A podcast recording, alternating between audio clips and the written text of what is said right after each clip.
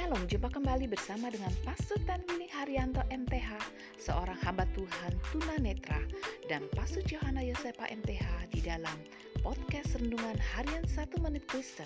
Selamat menikmati.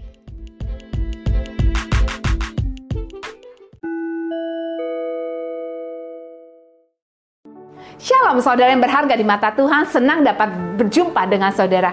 Hari ini Allah mau mengingatkan kita untuk tidak tinggal dalam kepahitan.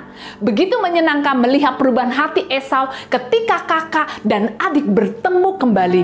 Esau tidak lagi mengingat masa lalunya dengan kehilangan hak sulung dan berkat. Ia puas dengan apa yang dimilikinya. Sedangkan Yakub merasa gembira dapat melihat kembali wajah kakaknya.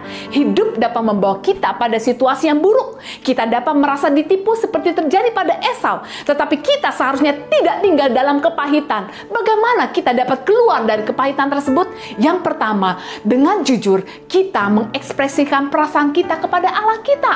Yang kedua, kita mengampuni mereka yang telah bersalah kepada kita. Yang ketiga, kita puas dengan apa yang kita miliki.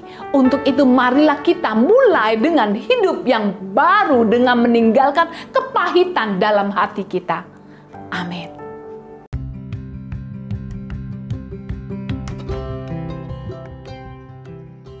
Kasih saudara telah mengikuti podcast Renungan Harian 1 Menit Kristen. Sampai jumpa pada episode berikutnya. Tuhan Yesus memberkati.